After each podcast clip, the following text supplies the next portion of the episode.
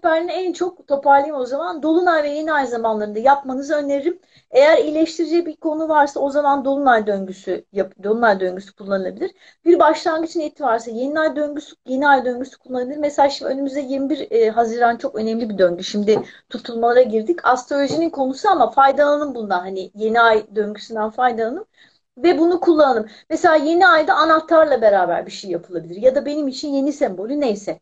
Hani hepimiz gidip yeni bir eve taşınamayacağımıza göre en azından anahtar sembolüyle ilgili bir şey yapabiliriz. Mutlaka güzel şeyleri olacaktır. Güzel dönüşleri olacaktır.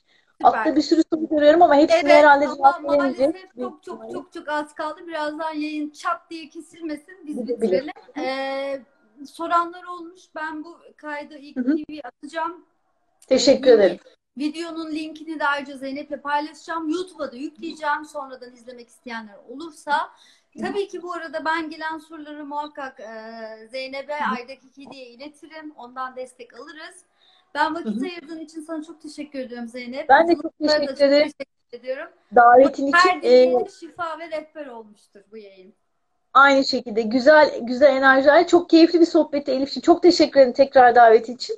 Ayrıca senin rüyalarına da senin ilham ilhamına da çok teşekkür ederim tekrar. Görüşmek üzere. Hepinize çok sevgiler iletiyorum.